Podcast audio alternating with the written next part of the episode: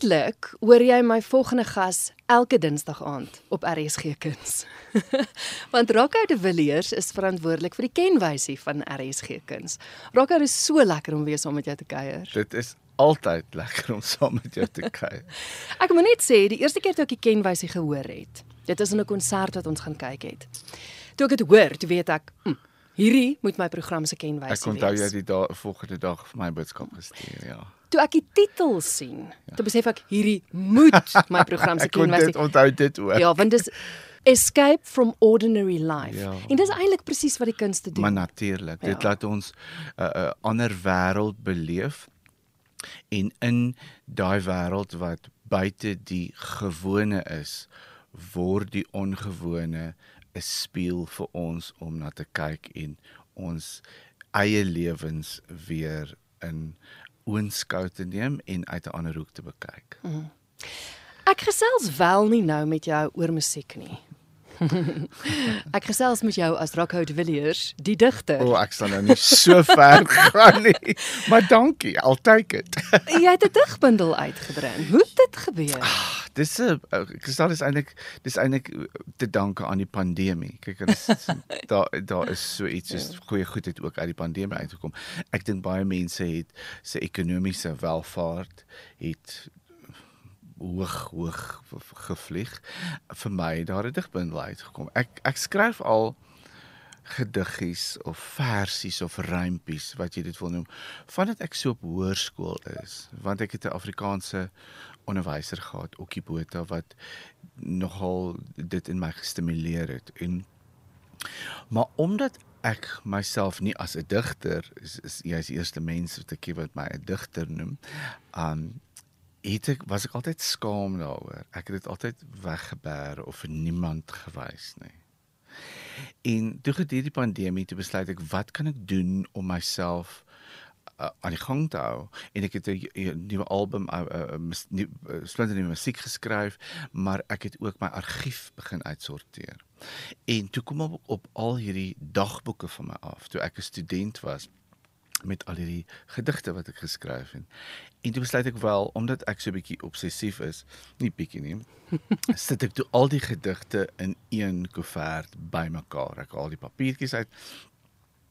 En toe dit alles klaar is, toe kyk ek daarna, toe dink ek as jy dit in die regte volgorde sit, is dit eintlik 'n bietjie soos 'n storie en die storie van my lewe as 'n eie soortige wese. Ek dink ons almal is eie soortig, maar in my geval is dit baie spesifiek tot my loopbaan en wat ek wat ek gekies het.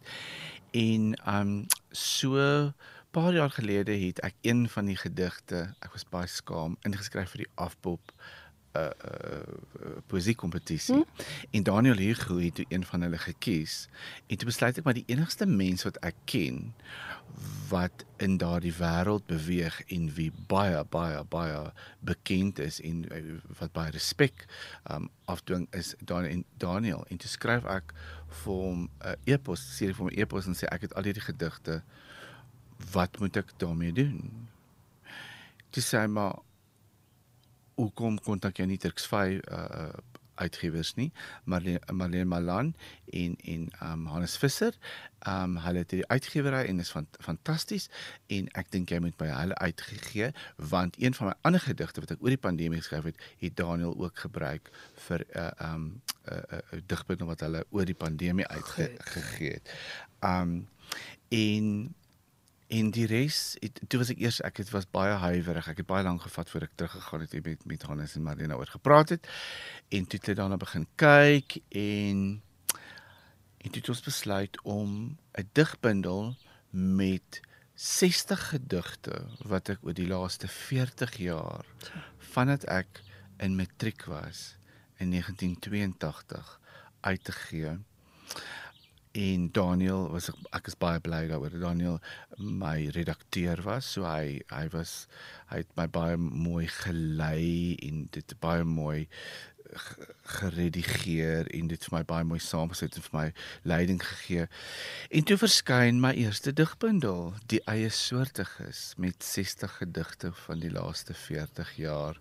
Party gelukkige gedigte, ander minder. Die titel, die eie soorte gis, meervoud, want jy sê dit is dis eintlik jou storie, maar daar is tog ook gedigte in van ander mense wat ook eie soortig is. En ja, dis hoekom ek dink almal van ons is op 'n manier eie soortig, want dit is tog wat ons unieke wesens dit hoekom hoekom jy anders as ek is en dink en lyk like en optree. Maar ek dink um in my geval is dit gaan dit ook baie oor die eie soortige tipe persoon wat op neergekyk word. Ah. Die kind wat geboelie word, geterg word, die persoon wat anders lyk, anders optree, loop, praat, eet. Uh, jy weet, ek dink selfs aan aan aan um 'n kind met autisme. Dis 'n eie soortige wese en en baie kere is die die wêreld nie in die Engelse woord is kind. Hmm. Um en dis die mense wat ek na verwys, die daai klein groepie mense wat soveel het om te gee, maar baie op neergekyk word. Ek het onlangs was ek um uh by 40 jarige reunie van, van my matrieks en en ek het uh, moes toe 'n toespraak maak en toe praat ek oor die ongelooflike vrou in my lewe met die naam van Tannie Mona Du Plessis aan wie die bindel hmm. opgedaag op opgedra is. Um en ek sal nooit vergeet en dis ook wat ek in my toespraak gedoen. Ek was um het ek ek sal nooit vergeet ek het 'n ek dink dit was 'n Bach tweestemmige vinding gespeel. En toe klaar toe stop sy my toe sê sy jy's baie baie talentvol maar jy's ook baie anders as die ander kinders. Ek weet hoe jy voel want ek het my hele lewe lank nog so gevoel. Jy moet net onthou dat jy altyd jouself moet wees. Dit is nie die maklikste pad om te loop in die lewe nie, maar as alles klaar is, is dit die beste pad om te loop. En en wat my ongelooflik was van die feit dat Tannie Mona die eie soortigheid in my kon raak sien vir ander redes as wat ander onderwysers op daai stadium of ander mense in my lewe of of selfs ons vriende kon want sy het besef dink ek vandag en dis die baie keer vir my is dit die subtext van van my van my bundel is dat sy kon raak sien dat die eie soortigheid van 'n persoon is meeste van die tyd kristel juis die bestanddeel wat daai individu gaan suksesvol maak. Ja. Dis so reg. So dit is waaroor die eie soortig is. Ek het nou baie lank draai geloop, maar Nee, maar maar dit dit dit skets vir mens waaroor die bundel gaan want ja, daar is jy skryf oor soveel verskillende mense buite in jou eie lewe. Ek meen daar's 'n gedig oor 'n musiekonderwyser, daar's selfs een oor Richard Kak. Ehm um, dis dis dis ongelooflik. Hy's kort daai. Ja, hy's baie kort. maar ek wil ek wil tog praat oor die voor ons praat oor oor van die gedigte en en oor jou lewe want hierdie is eintlik ook 'n profielgesprek om om dit jy weet ons nog nooit eintlik reg gepraat het oor waar jy vandaan kom nie. Maar tog is mens klaar die bundel gelees het, kry mense 'n greepies van jou lewe en en hoe dinge gewerk het. Eerstens gehou die die foto wat jy gekies het vir die voorblad. Wat is die storie daar agter? Verduidelik gou vir die luisteraars hoe lyk die foto? Die foto is is ek dink ek was op laerskool gewees. Ek moes seker so 6 of 7 gewees het. Ja, dalk amper 6. Um ons het 'n konsert gehou met 'n slagorkes. En toe was daar nie eintlik 'n posisie vir my nie want dit was 'n slagorkes, dis nie plek vir klavier nie. Mm. En en dit sou bietjie snaaks gelyk het as die juffrou die slagorkes gedirigeer en toe sit ek daar en ek sal nooit vergeet ek kan nie haar van onthou dis ek onthou dit die woord dit is sy maar die kind is te talentvol om na hierdie konserte kyk. Hy moet deel wees daarvan. Hoekom dirigeer hy nie die orkes, die, die slagorkes en toe is die foto deur oom Lappie Slappeskag nie wat ons enigste en mees fantastiese uh, fotograaf op die hy het al die foto's van ons geneem. Van die netbal dwarsdeur tot by die slagorkes. Hy het alles geneem. Troues begrafnisse alles. En daai foto het hy geneem gedurende die konsert en dit is hoekom dit van agter af geneem is so jy kan sien hoe ek die orkes dirigeer want hy het in die gehoor gesit.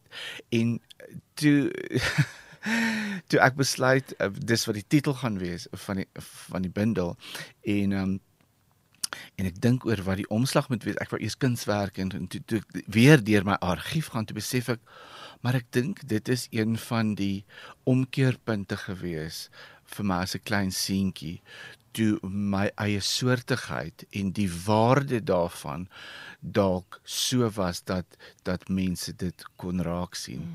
en so so dis 'n wit en swart foto van 'n slagorkes wat voor my sit my hande is in die lug soos 'n 'n dirigent ja. en die foto's van agter afgeneem en um um ek lyk nog eintlik maar dieselfde met my groot ore en en en so. hoe hoe oud was jy toe jy begin klavier speel het? Ek was Kristal is baie moeilik want want ek onthou ons het altyd 'n klavier in die huis gehad want my suster was ongelooflik talentvol uh, musikaal. Sy het 'n onbeskryflike musikale instink gehad. Sy kon want ons kom onthou die De Villiers se ons is mos nou almal uit die, in die musiekwêreld mm. en ek onthou my suster kon enige instrument op op ja.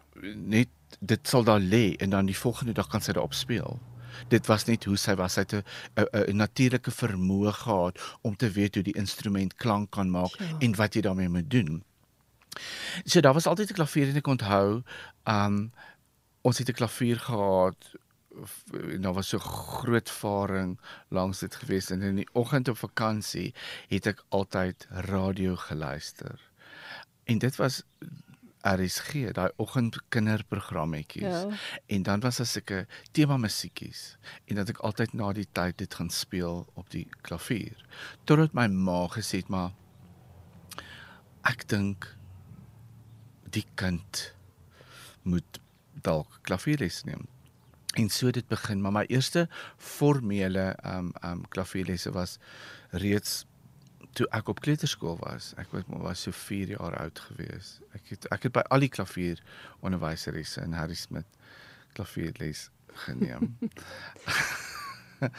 Daaroor gaan ons nie nou praat nie. Ek dink maar ehm um, dit was ek was baie baie jonk en toe het dit net toe ek net al hoe meer konserte begin doen. Ek het my eie musiek begin skryf al van baie kleins af. Weet ek my eie eie musiek. Mm. So dit was altyd vir my lekker um om my eie musiek te speel want dit het vir my gevoel ek hoef nie ander mense se idees te interpreteer ja, nie. Ja.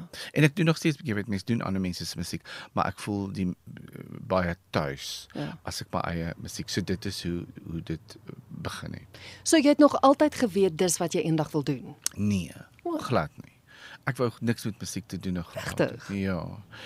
Ek wou altyd in in ehm um, ehm um, chemie en sulke tipe van want ek was baie goed met wetenskap. En wiskunde ja, ek wou altyd my grootste droom was om om my eie apteek te hê en om met chemikalieë nuwe goeders uit te dink wat mense kan help of gesond maak of of sulke goed in en toe ek weet nie hoeveel tyd het ons nie en toe speel ek um maar jy weet soos die wêreld werk, daar iewers daar buite is daar iets of iemand wat die heeltyd vir jou die rigting op 'n subtiele manier wys. Mm, mm. En hoe meer ek dit wou doen om om, om in, in in wetenskap in te gaan, hoe minder het dit gebeur en hoe meer het het ek begin deur musiek. Ek het in matriek, ek sal dit nooit vergeet nie, het ek ek het vakmusiek gehad en toe het ek 'n ongelooflike argument gehad met die persoon. Dit was 'n professor van universiteit van van uh uh Vrystaat daar uit Oranje Vrystaat. Um en hy het my vrae gevra oor die uh, uh rondo wat 'n uh, uh, uh, styl in in musiek is van Beethoven. En ek het vir hom gesê ek dink dit is absoluut belaglik die vraag dit is onnoosel wat jy vir my vra. Dit behoort eintlik so en so en so en so te werk. En ek onthou ek het daar nog gevoel ek is te voor op die wa gewees hoe durf jy dit en ek het gedink hy gaan net jy weet laat dryp en toe die volgende dag toe kry my ma oproep van die universiteit van die Vrystaat en sê as Rocco wil kom musiek studeer sal dit julle niks kos nie. En op daai stadium was ek was ek reeds gekeur om om in Potchefstroom en dit was 'n baie baie goeie um um aptekerskursus gewees. Sou ek vertrek het Januarie om te gaan studeer en um en toe het ek nie ek het Bloemfontein toe gaan en toe laai my ma my by die ou Dion af en die res is toe nou geskiedenis. Mag ek vra of jy spyt is? Partykeer dink ek nogal as ek verby 'n apteek ry, dan dink ek ek sou graag my eie apteek, want ek maar ek dink toe ek jonk was, was dit ook 'n romantiese idee van wat dit is om 'n apteker te wees, want ek het gedink ek gaan met 'n wit jas staan en botteltjies regpak. Dit is nie dit nie. Dit is nie dit nie, maar ek is nog steeds gefassineerd met daardie wêreld van van van wetenskap en hoe chemiese goed as dit reg gebruik is en versigtig en en en uh, jy weet eties um gebruik word hoe dit mense gesond kan maak en en hoe dit kan werk. Ek was altyd en nog steeds. Maar hoe kan ek nou spyt wees? Kyk wat het die wêreld ja. vir my gegee. Baie baie CD's, duisende konserte en nou 'n digbundel. Ja. Wat vir my baie uh, uh, uh, uh, bevrydend was om die digbundel te maak. Dit is een van die belangrikste goed wat nog in my lewe ja. gebeur het want gedurende die pandemie um onthou as 'n mens 'n uh, uh, uh, uh, op 'n verhoog is, is deel van jou daaglikse dieet, die een van die grootste bestanddele is applous en jy word gewoond daaraan dat mense vir jou hande klap en opstaan en o, jy's wonderlik en en en, en toe met die pandemie dis aan niks nie. Dis net ek alleen en niemand of niks klap vir my hande nie. Ja. En toe ek met die gedigte begin werk en ek begin self daaraan timmer en dit verbeter. As jy deur die boek lees, ek het spesifiek dit nie van swak na beter want dit is soos wat mense ouer raak in die volgorde en daarna was baie bly daaroor geweest. Jy sal agterkom party is nie so goed soos ander, maar dit is nie dit maak nie saak in hierdie bundel nie. Die die rede hiervoor is baie maar maar toe toe het ek geen applous gekry nie maar ek het 'n ander tipe applous van die gedig self gekry. Sure. En dit was 'n stil applous na binne toe. Dit was nie 'n groot geraas van skreeuende mense wat met foto wil jou saam met jou wil neem en en en 'n handtekening en 'n CD en sokkies en goeders wil koop nie. Dit was 'n ander bevrediging. En hoekom ek vir jou gesê het net nou dit was my baie belangrik en bevrydend want ek het gedink toe besef dat ek dink ek kan musiek is my baie belangrik en dis alles, maar die applous gedeelte daarvan is nie alles in my lewe nie. Dis een gedeelte van my lewe. Daar's hmm. ander goed wat vir my net so belangrik is. Ek wil gou vra oor die weermag want daar is twee gedigte wat gaan oor die Suid-Afrikaanse weermag. Was jy in die weermag voor of na jy studeer het? Nadat ek gestudeer het. O, omdat jy moes gaan. Ja, wel dit, dit was nog deel. Mm. Ons moes vir 2 jaar gaan en dit is pas snaaks toe ek uit is toe was die hele storieetjie afgelas maar. Nee. Die weermag Kristel was vir my vreemd. Um ek het dit gedoen want ek moes dit gedoen het. Ek het nog nooit geglo aan die konsep dat jy iemand moet afbreek en hom weer opbou nie. Ek dink dit maak nie deel uit van my filosofie in die lewe nie. Ek dink mens moet eerder iemand se sterkpunte identifiseer en dit belig en versterk. Ek dink dit is hoe mens te werk gaan met mense, maar mense het verskillende uh maniere hoe hulle omgaan met kinders en en jong mense ek dit was vir my sleg want dit het vir my die hele tyd gevoel ek het nie ingepas nie maar ek het nog nooit regtig ingepas tot op daai stadium nie so dit het vir my die hele tyd gevoel of ek iets geword het wat ek nie is nie hmm. Um en daar vandaan af die gedigte eh, die twee gedigte daarvan toe in die weermag het ek geweet toe ek na die hele storie gekyk het dit kan nie dit is nie volhoubaar nie. Hierdie hele konsep kan nie vir ewig werk nie. Aan die ander kant sal jy ook sien, ek het ook 'n gedig oor oor geskiedenisboek en in die geskiedenis van oorlog geskryf. Mm, mm. Dit gaan oor presies dieselfde ding. Iets wat gaan om mense te vernietig en wat gaan oor die ongelooflike honger vir mag kan nie werk nie. Dit dit maak mense seer, dit vernietig mense, dit vernietig families. Dit vernietig die wêreld en dit hou die pere van ontwikkeling terug. Ons dink as ons geveg het in 'n land gewen het, dit gaan vooruit. Dit doen nie. Ons het mense seer gemaak. So dit was my sleg, maar in die proses het ek baie goed vir myself geleer weer wat aan die mounig gesê het. Wees net jouself. Maak nie saak wat die om, omstandigheid is nie, want dit is die ding wat jou gaan dra en jou gaan hou. Daar's 'n 'n gedig met die titel Kritiek as ek reg onthou. Wat gaan oor Hoekom kyk jy altyd op boontoe? Wat is dit met die voetjie? Hoekom jy weet dit jy maak dit meer oor jouself as oor die musiek. Hoe hanteer jy kritiek? Ek kyk mense kan vir jou sê moet jou nie daaraan steur nie, moet dit nie lees nie. Jy hoef dit nie te lees nie, dit gaan in geval by, by jou uitkom. Um ek het al geleer in die 25 30 jaar wat ek konserte doen en en Rocco die kunstenaar geword het toe ek op die verhoog is of, of jy dit nou flamboyant of, of wat wat wat wil noem. Ek het al geleer as mense vir jou 'n uh, baie baie groot kompliment gee dan sê jy baie dankie en as mense jou kritiseer en jou afkraak en lelik is met jou, dan luister ek jy ook daarna en jy gaan net aan. Ek dink mens moenie te veel van alles maak nie. Dit is makliker gesê as gedaan. Onlangs op op sosiale media het mense weer my uitmekaar uit gesny met messe. Maar aan die begin weet ek was ek kwaad en het gereageer daarop toe het ek begin om daai mense te blok op my sosiale media en toe het ek begin om hulle nie te blok nie maar net die spesifieke uh uh uh plaas en wat hulle sê oor my te uh, af te vee en nou los ek dit net. En dis baie interessant dat dat die mense wat my konserte toe kom, die ander mense op sosiale media sorteer dan daai st storie uit. Maar kritiek is nie lekker nie want onthou en dit dit is nie noodwendig 'n ego ding nie dit gaan oor die feit dat iemand jou aan aanvat oor die ding wat jy uiteindelik gekies het om jou lewe te wees.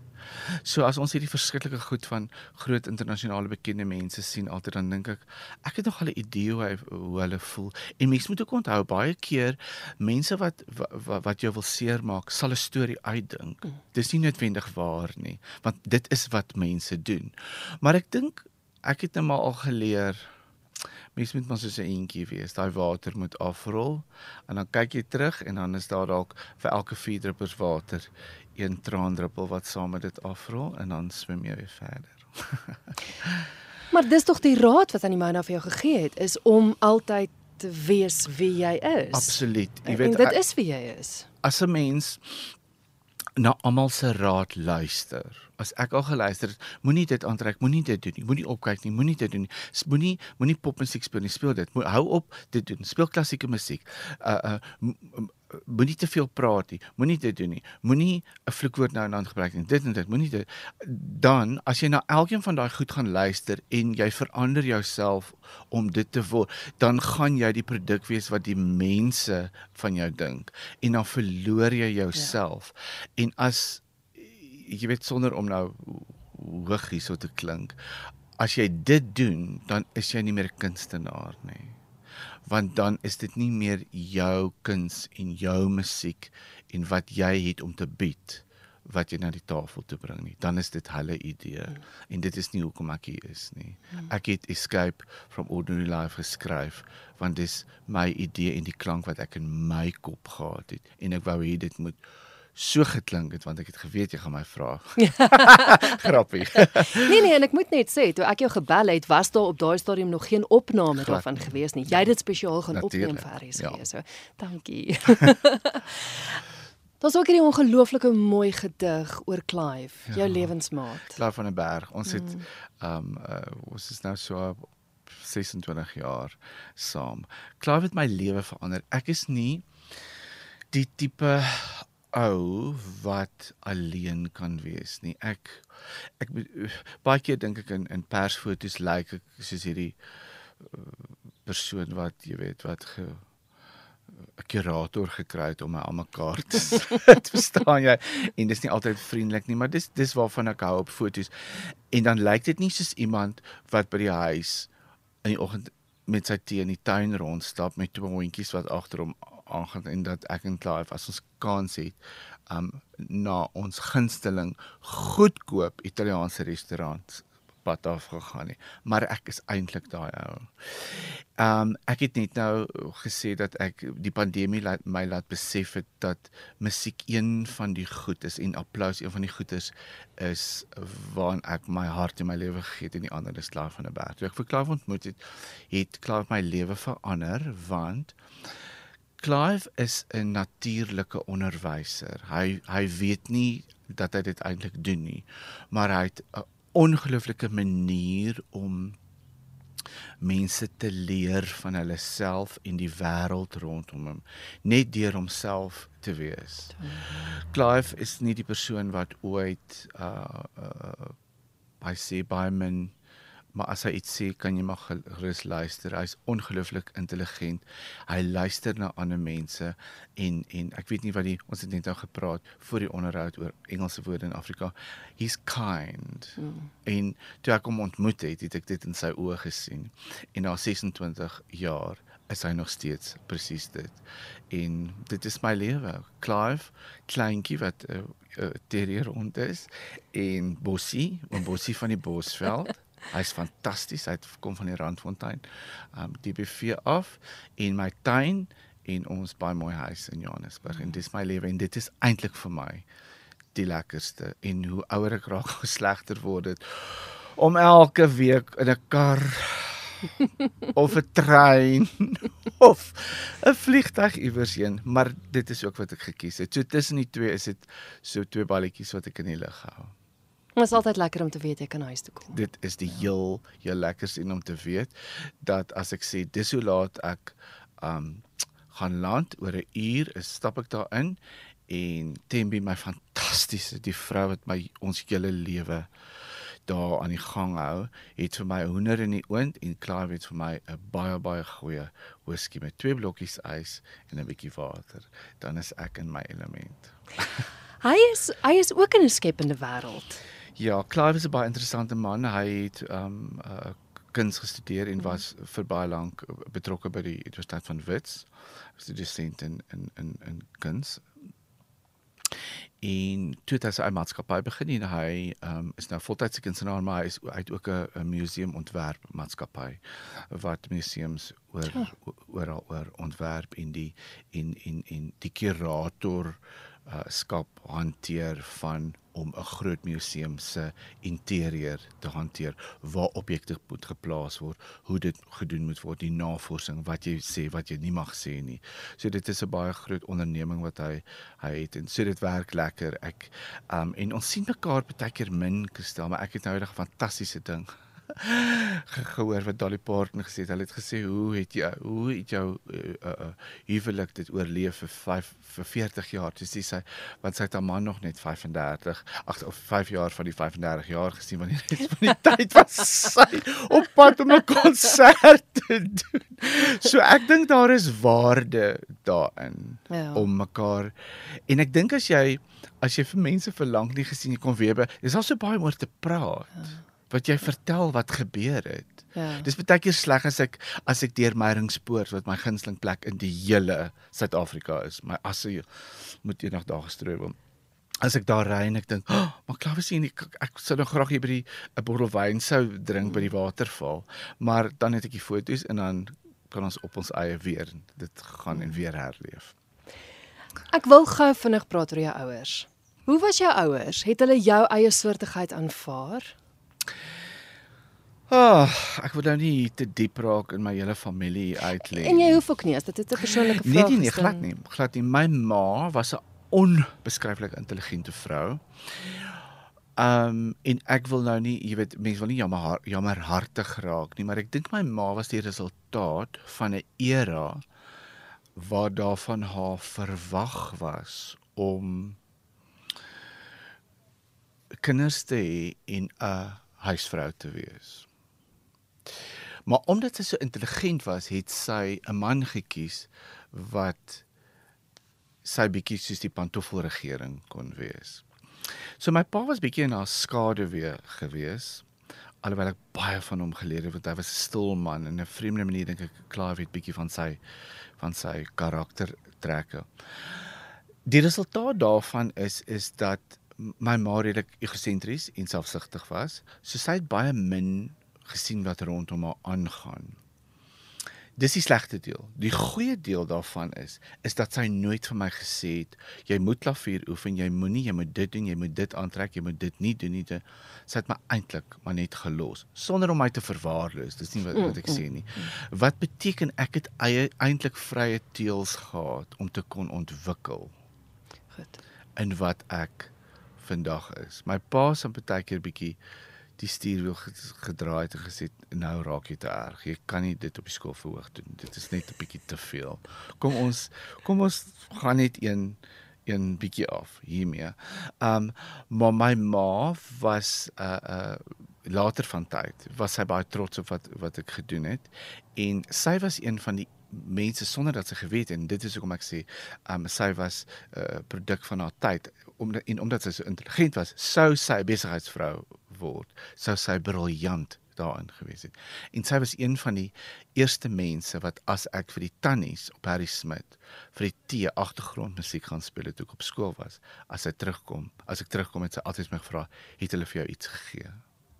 So sy het altyd seker gemaak hmm. dat ek vergoed was hmm. of dit nou met 'n sjokolade was en later van tyd met met geldjies. Hmm. Daar's so baie waaroor ons nog kan gesels. Ek het nog so baie vrae, maar ek ek wil afsluit met die vraag waarmee ek altyd afsluit en dit sluit aan by jou laaste gedig, Nalatenskap. Hoe wil jy eendag onthou word? Ek wil nie onthou word as die ou met die lawwe suits en die groot blom op sy skouer nie. Ek wil onthou word as 'n persoon as 'n musikant wat musiek gemaak het en geskryf en gekomponeer het oor die dinge wat saak maak vir hom en die wêreld dit wat belangrik is en musiek wat mense iets kan laat voel en iets wat hulle self te kan besef en te kan ontdek. As dit is hoe ek onthou word met die musiek op al my platforms dan is ek baie gelukkig.